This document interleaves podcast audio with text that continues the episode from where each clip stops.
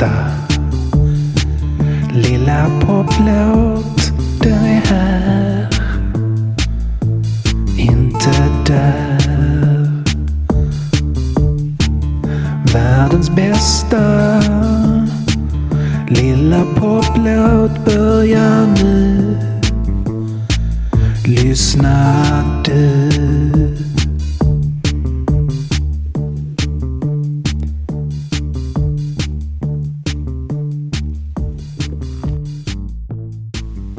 Shabaloba och välkommen till världens bästa poplåt. Podden om världens bästa poplåt, varenda en av dem. Lite försenat glider det här avsnittet in i din poddspelare för det är juni och snart drabbar semestrarna samhället med full kraft och vi som måste sälja vårt liv timme för timme på arbetsmarknaden för att kunna betala för mat och hyra och rock'n'roll har lite extra mycket att göra på jobb. Jag ber om ursäkt för fördröjningen men även om jag försöker leva efter Ian jurys kostråd sex and drugs and rock'n'roll is all my brain and body need så kan jag inte köpa falukorv på ICA för sex, droger och rock'n'roll. I valrörelsen pratades det om att göra falukorven tillgänglig men nej, den jävlarna ska ha pengar för den. Orimligt, såklart. Apropå pengar, Skicka gärna sådana genom Patreon, länk finns i närheten. Pengarna går först och främst till avgifter för musiken vi lyssnar på. Och hur märkligt den kan låta så kan man inte betala stimavgifter med sex, droger och rock'n'roll. Det borde vara emot rockens natur att vilja ha cash istället för knark.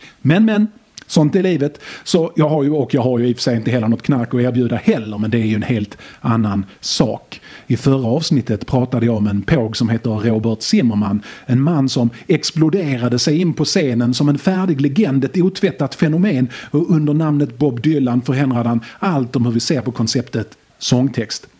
Hans ord tar sig in i våra hjärtan och hjärnor med en blandning av snabbt uppfångade, fritt associerade tankeströmmar och en metodisk noggrannhet. Dylan sjöng på skånska utan att veta om det. Med hårda vokaler tvingar han oss att gunga med och sjunga med och komma ihåg orden. Dylans skånska är maskerad i amerikansk språkdräkt men han lurar ingen. En som genomskådade Dylans språk och såg mannens inre Edvard Persson och tog Dylan till Dalby där Dalby dansar till diftonger och allitterationer. Och med Dalby menar jag såklart Arlöv men Dalby har det där underbara d i början. Allvarligt. Allitterationer angående Arlöv anses allvarligt ansvarslösa men det var i Arlöv som Karl Pedal växte upp. Och Karl Dahl var en gång i tiden störst, störst i Skåne men också störst i folkparkerna i hela landet. Han var det i två somrar men sen blåste nya sämre tider in från Halmstad och någon annan tog över folkparkstronen. Det här är en låt som en påse som heter Robert Zimmerman har skrivit. Det är en låt som heter Knabbar på himmelens dörr.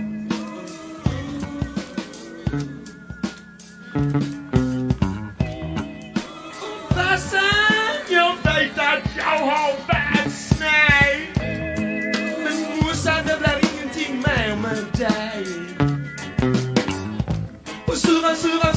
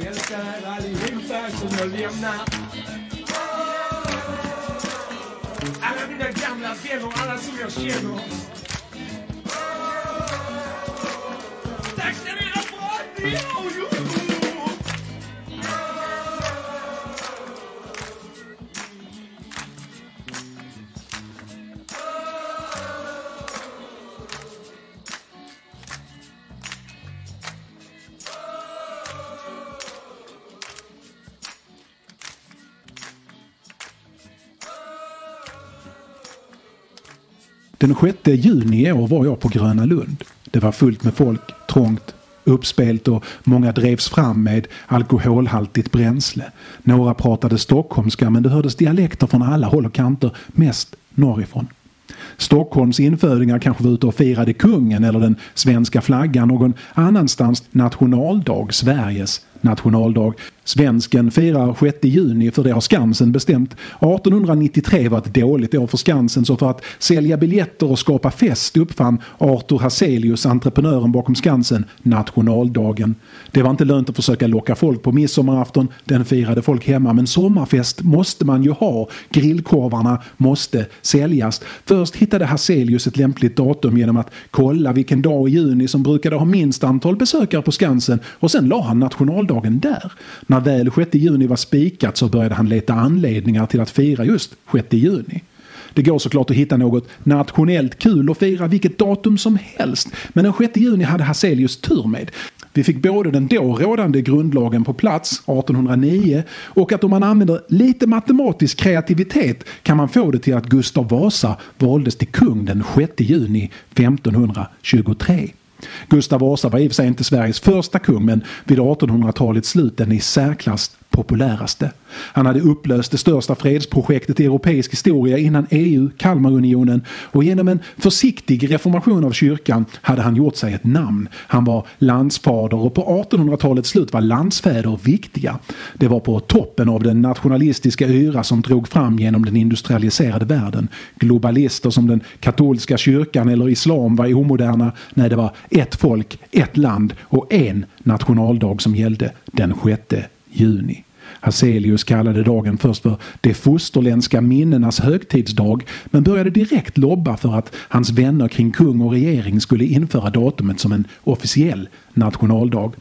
Så som de fosterländska minnenas högtidsdag har på Skansen införts den 6 juni, Gustavsdagen, vilken där firats och hädanefter kommer att firas så som svensk nationaldag, skrev Hazelius till kungen för att visa att även om kungen kanske har andra planer om nationaldagar och så, så kommer det firas nationaldag den 6 juni på Skansen.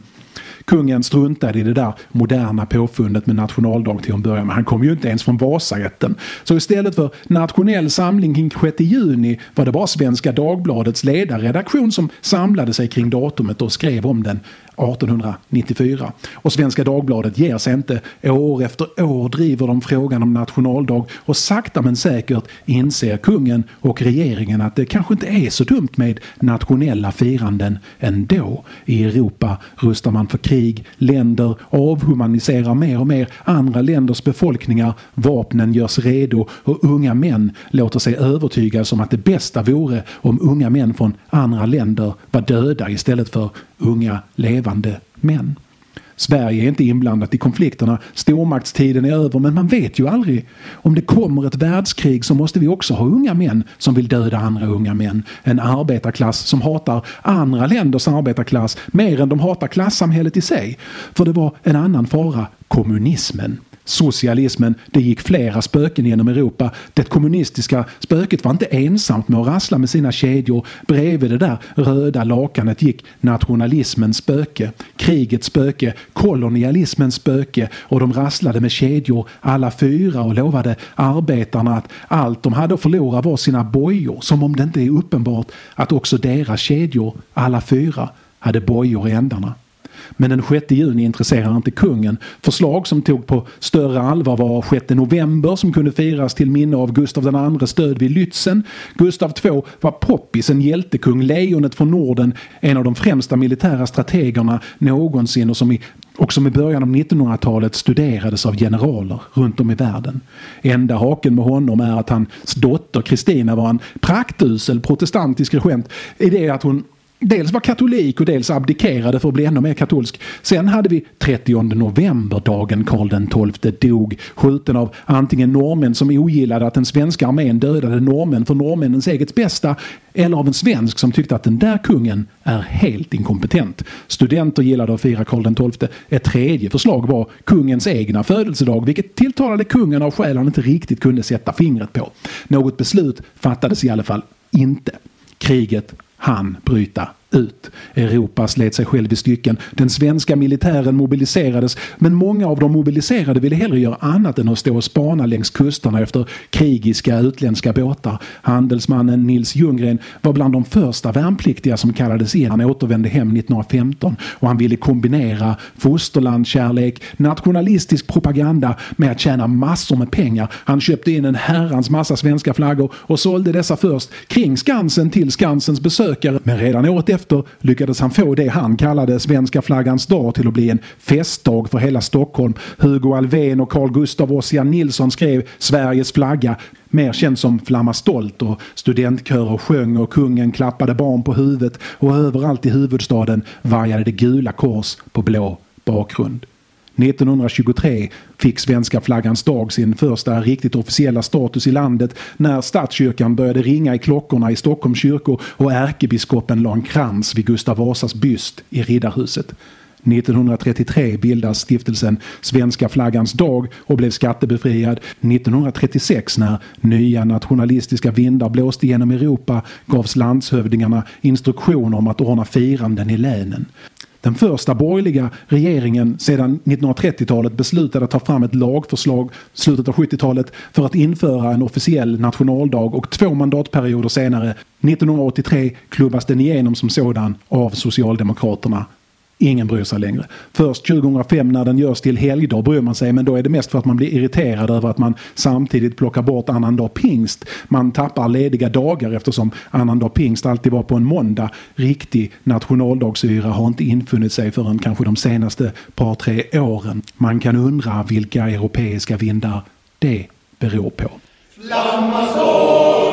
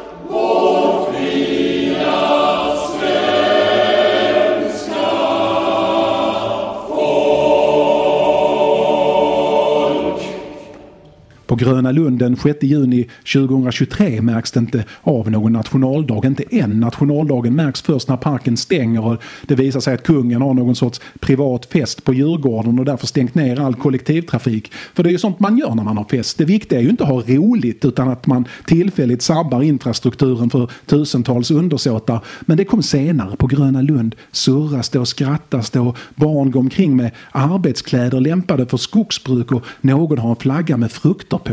Banan, melon, kiwi och citron. Hooja ska spela på stora scenen och jag ska dit och jag ser mycket fram emot det.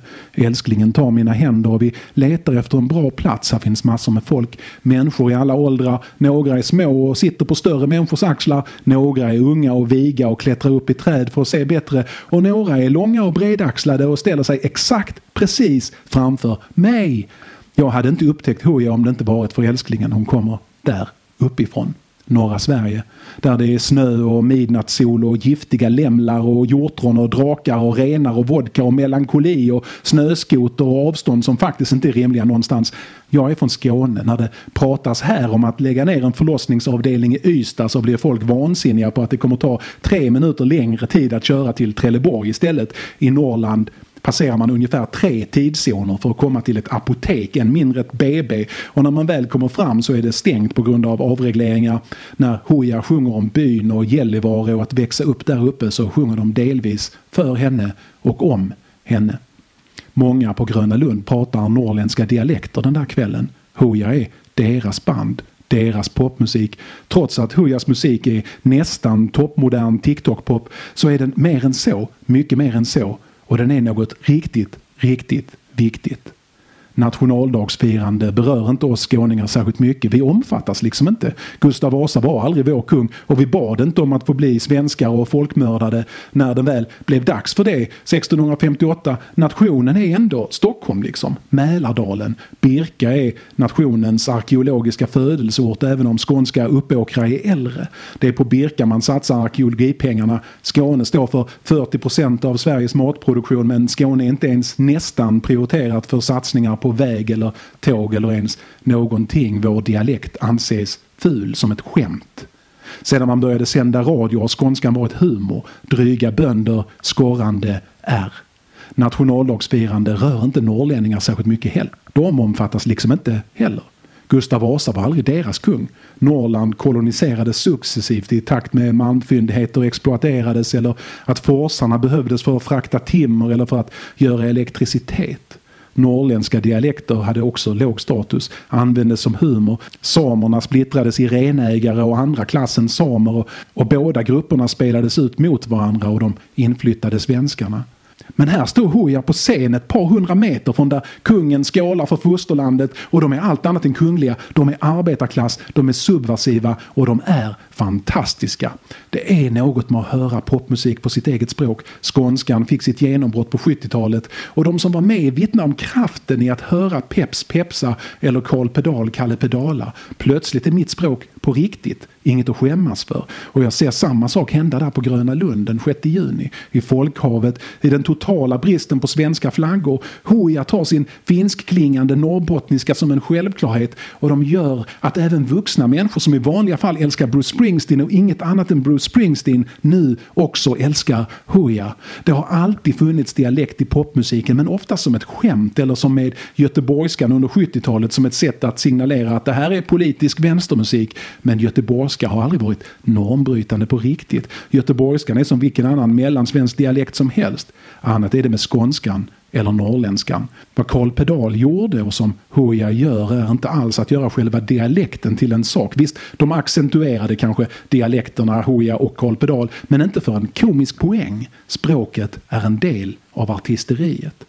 Bandet Hooja är speciellt. De uppträder maskerat till att börja med så inget av det jag säger om dem kan de vare sig verifiera eller dementera och jag har verkligen ingenting att styrka det på. Det här är mina observationer. Det här är min analys och inget annat. Tidigare uppträdde de som på grund av hiphop eller dansband eller oklart vad som är anledningen. Men deras musik var utslätad och meningslös. Dessutom sjöng de på engelska. Jag antar att Hooja började som ett skämt i studion där Hooja började sjunga på svenska till något DJ Mårdhund spelade och de båda måste ha insett direkt att här har vi något speciellt.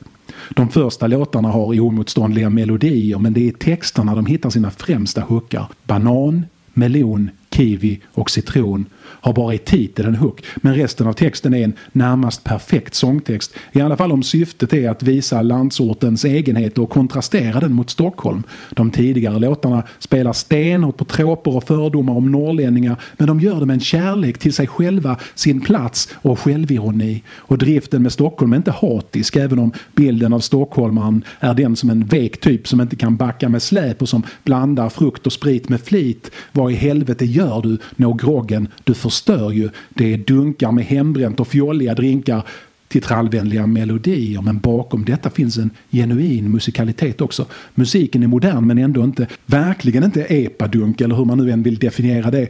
I Hojas musik hör jag både Jan Hammers soundtrack till Miami Vice och Depeche Mode och ibland lite väl tydligt aha. Trummorna på Där gäddorna simmar är mer aha än vad aha någonsin var.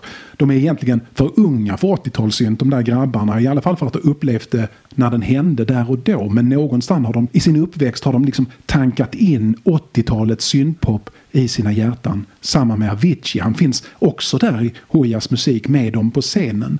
Några låtar in i konserten drar Hoja och Mordis på sig sina gitarrer och de ser som mest bekväma ut med dem på. Det finns en kärlek i hur de håller i instrumenten, i hur fingrarna tar ackorden och hur de plockar strängarna. Det där, de där två, de är gitarrpopmänniskor, det är väldigt tydligt. Bakom maskerna finns det hårdrock och britpop och Pixies och Jimi Hendrix. Bland älgar och jakttorn står de på scenen som rockhjältar ett tag. De sjunger låten Happis och ett tag dränks Gröna Lund i powercord. och det är ingen slump att Hujas logga lånar typsnitt från AC/DC. Låten är briljant, texten är briljant, Huja är briljanta. Man kan kolla rätteriet tills man dör man kan vara tysta grannen som aldrig stör. Men då och då så känner jag för en nordkryssel Vi kan dra till Hattis, bli ikväll Vi kan dansa tango på klubben i helg Käka på Ikea, fine dining på en fredag. Vi kan dra till Happis, min vän. Bara far över gränsen. Fylla tanken med bränslen. Takitos, thank you ska ni ha? Tvekar ej en dag. Åka Kokkola Forsen. Köpa folkis på kiosken. Kolla kuttklubben ha kris. Slotta parkering med Porschen. Vi kan dra till Hattis, bli hållo ikväll. Vi kan dansa tango på klubben i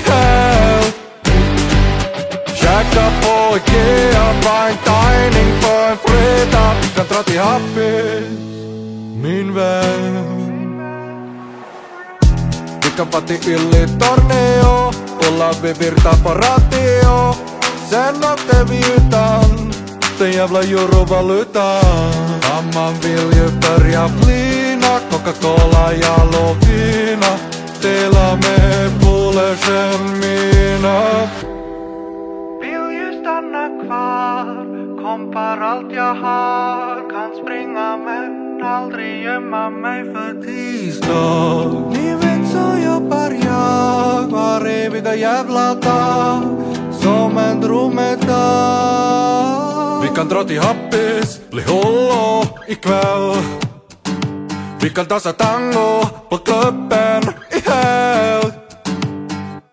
Käka på Ikea, fine dining på en fredag Vi kan dra till Happis, min vän Vi kan dra till Happis, bli hållo ikväll Vi kan dansa tango på klubben i helg Käka på Ikea, fine dining på en fredag Vi kan dra till Happis, min vän Som vore det en svensk Darlington County sjunger Hooja om resan till Haparanda och fest och frihet efter en hård vecka på jobb. Och precis som Springsteen arbetar Hooja mästerligt med klichéer och färdiga tankar för att berätta berättelsen om vanligt folk som inte bor i Stockholm utanför tunnelbanenätet och som jobbar och sliter och äter på Ikea och backar med släp och dricker mer för att drömma än för att glömma när Hooja släpper taget om sargen de hållit sig i när de sjöng skämtsamt om frukter i sprit och att välta ishotellet för att istället ta tag i sitt mörker så är de fenomenalt bra. Springsteen målar personporträtt av påhittade personer som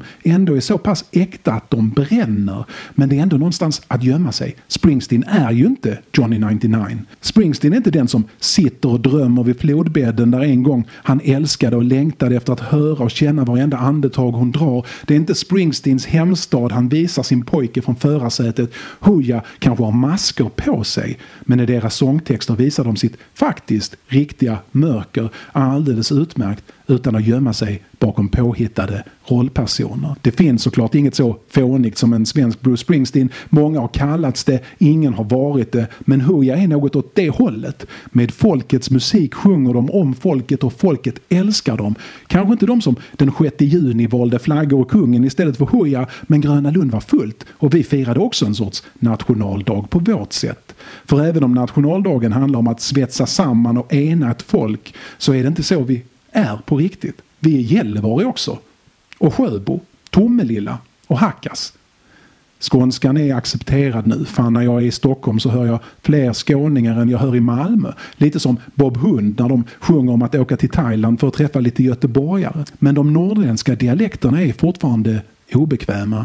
De har nyhetsvärde, de sticker ut. Hooja är inte Sveriges Springsteen, men kanske de är Sveriges Karl Pedal. Hoojas Kommer du ihåg är i alla fall Sveriges The River och jag hoppas de fortsätter sjunga den även när de släppt maskerna.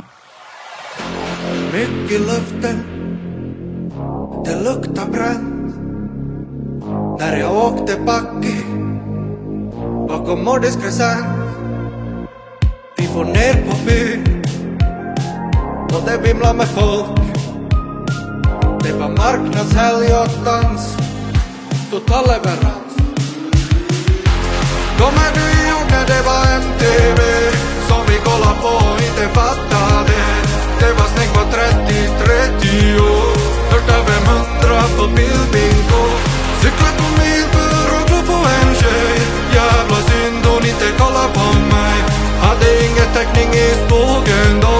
Ingen kamera på iPhone 2 Första rondellen jag någonsin såg. Han får bilsemester i Luleå. Det var största staden, man sätter blinka ljus ta mig fan överallt. Checka Max första gången i livet, det var gott men inte som allt. Kommer du ihåg när det var MTV Kolla på och inte fatta Det Det var snyggt på 30-30 år Första 500 på bildbingo Cykla på mil för att glo på en tjej Jävla synd hon inte kollar på mig Hade e ingen täckning i skogen då Ingen kamera på iPhone 2 Vi kan blicka bakåt Men klockan tickar fram Jävla wifi, internet. Folk scrollar Instagram. Kommer du ihåg när det var MTV Som vi kolla på och inte fattade Det var snyggt var 30-30 år Första 500 på bilbingo. Cykla på mil för att gå på en tjej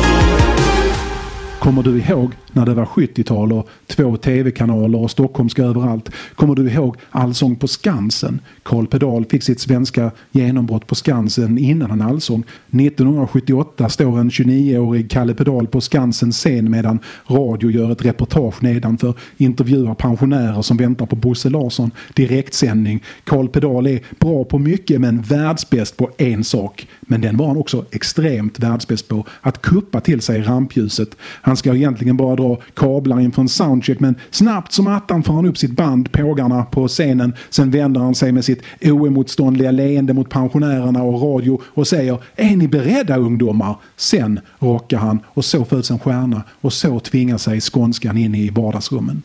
Första gången Karl Pedal föddes var på BB i Malmö 1949. Fast han hette inte Karl Pedal då. Nej, han startade livet som Karls Sven-Göran Ljunggren. Från BB i Malmö kördes han sen till hemmet i Arlöv. Arlöv är ingen rolig stad. Det går inte att beskriva Arlöv. Så tråkig är Arlöv att det faktiskt inte finns något sätt att beskriva Arlöv. Karls pappa jobbade som stins på SJ och det var ont om pengar och skånskt och arbetarklass. Pappa Ljunggren älskade rock'n'roll och det gjorde snart lilla Kalle också.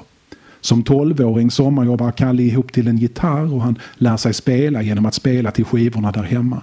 Han skriver sin första låt, SJ, en låt som finns på hans legendariska första LP. Låten SJ är bara rock'n'roll, men jag kan lida, jag kan lida, jag kan lida lia väl, som han säger. Han går i skolan, han slutar skolan, han slutar skolan med bra betyg och hans mamma övertalar honom att läsa till psykolog på universitetet i Lund. Kalle har själv inte några planer så varför inte psykolog får det bli. Som student passar han inte in i Lund. Han är för rocker för att hänga med hippies eller mods och för arbetarklass för att hänga med resten. Han får sitt namn där och då på de vindlande gatorna i Lund. För att billigt kunna ta sig mellan studentlägenhet och föreläsningar och ibland hem till morsan för att äta har han fått en närmast antik trampmoped. Han trampar omodernt fram och snart kallar alla honom för Pedalen eller Kalle Pedal. Det var ursprungligen inget smeknamn, det var ett öknamn men Kalle bestämmer sig för att göra det till ett artistnamn.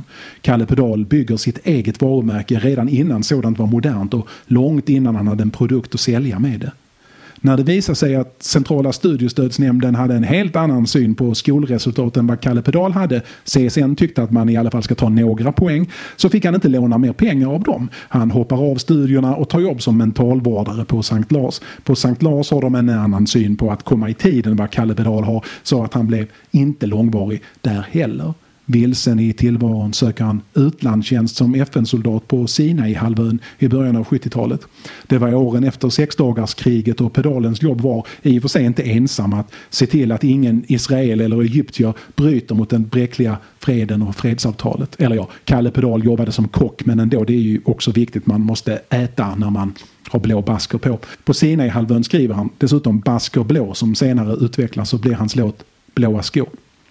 Hemma igen knallar han in på Arbetsförmedlingen som på den tiden sysslade med att förmedla arbeten och eftersom han hade flyttat in hos morsan igen så passade det bra med ett jobb i Arlöv. Arbetsförmedlingen förmedlar honom till fritidsgården Regal som var en sån där ung och progressiv fritidsgård som fritidsgårdar var i mitten av 70-talet. Kalle Pedal var på inget sätt chef men han hade idéer och han fick genomföra dem. En sak han trodde kidsen ville ha var replokaler. Ungdomarna ville spela punk och då måste man repa, tänkte Kalle. Och det hade han ju rätt i. Som en liten improviserad löneförmån stannar Kalle Pedal kvar efter stängning och repar själv. Samlar ihop bandet, pågarna, mest genom att fråga ungdomarna om de vill spela och det vill de. Några gånger per termin arrangerar fritidsgården konserter med banden som repar där och Kalle Pedal är självklart konferencier och publiken, mestadels föräldrar och andra närmast sörjande, älskar honom. De älskar hans monologer och hans presentationer. Och här hittar Kalle sin naturliga begåvning att kuppa till sig rampljuset. Efter sista bandet, sista extranummer, frågar Kalle publiken om de vill höra gammal rock'n'roll och det vill självklart publiken.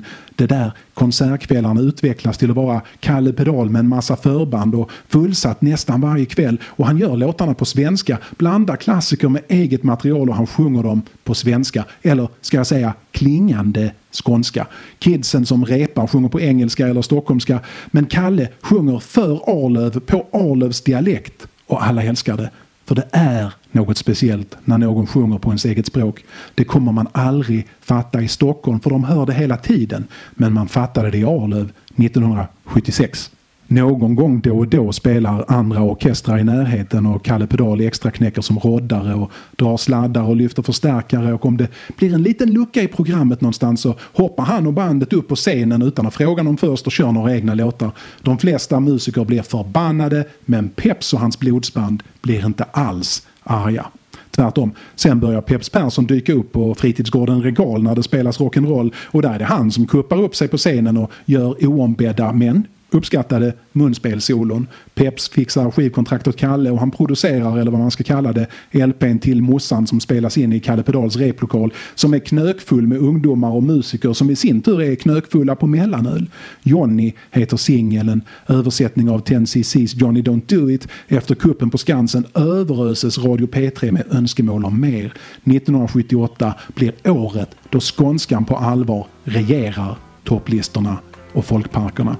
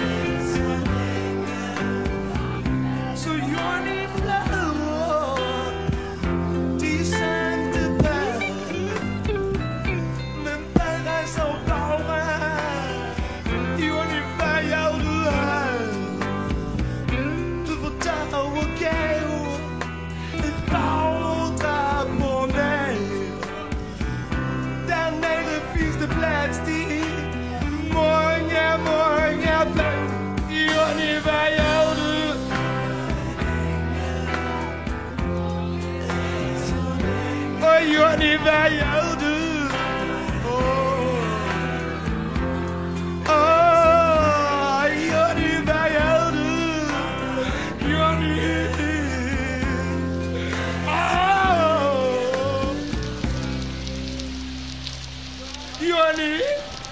Vad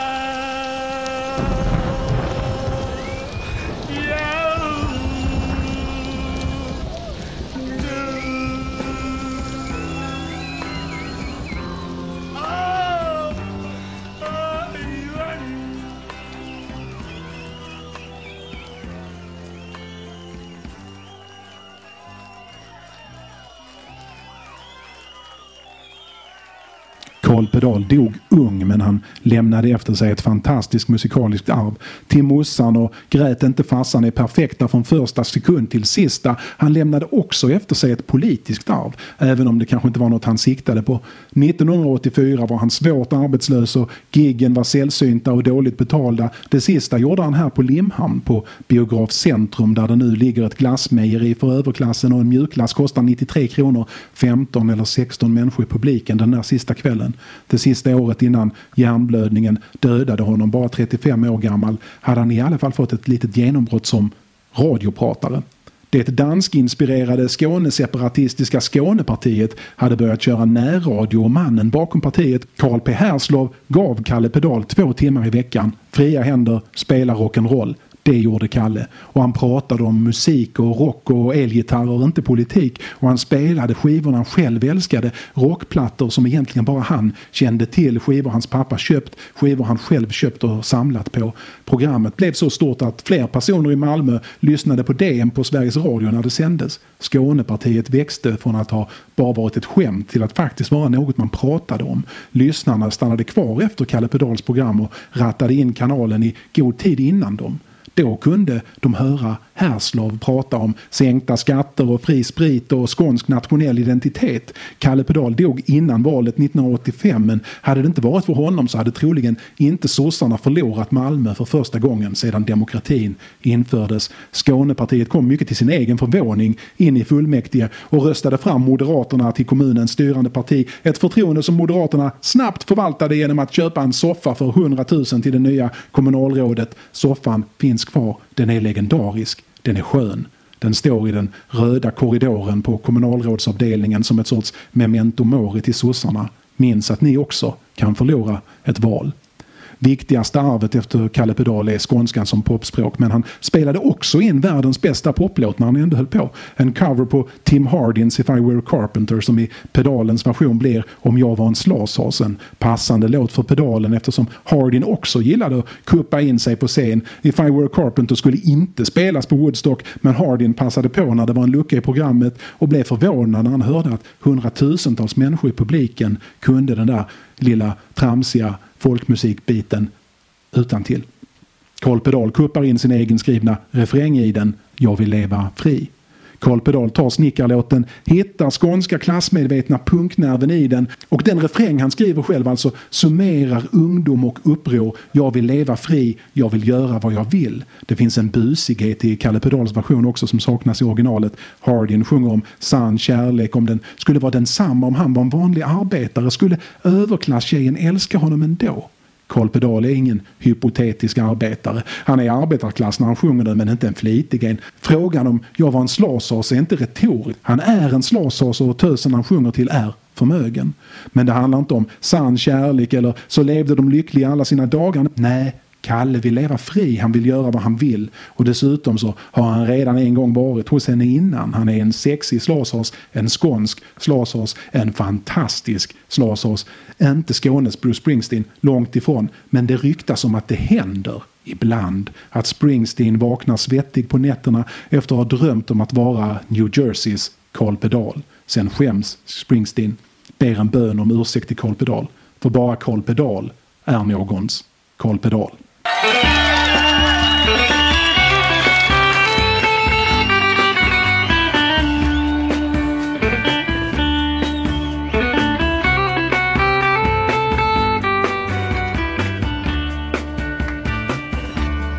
jag var en slausaus och utan en spänn Skulle du tycka att jag var knas och kalla mig för Bengt?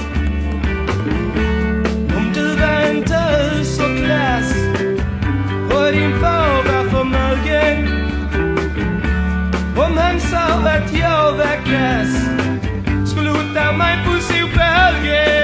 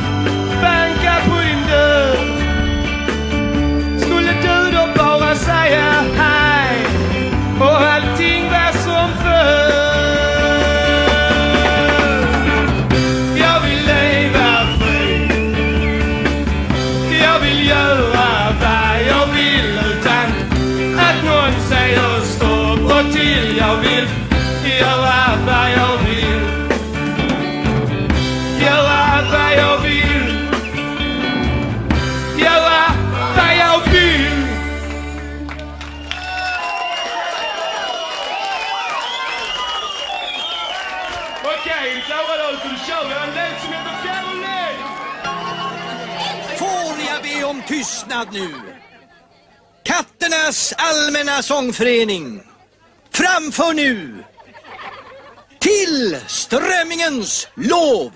Och strömming, du blanka, du stolta, du visa Visa Som summit och simmit och sam Mot ett mål som fördolts för ditt stim och ditt stam Namn, namn, namn Ja, dig. Ja, dig. Vill jag lova att ära och spisa. Spisa.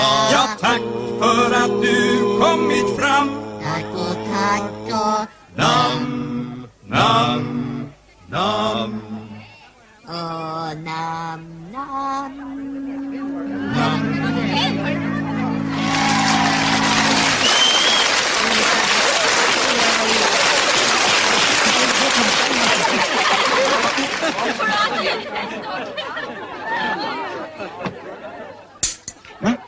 Har den kommit?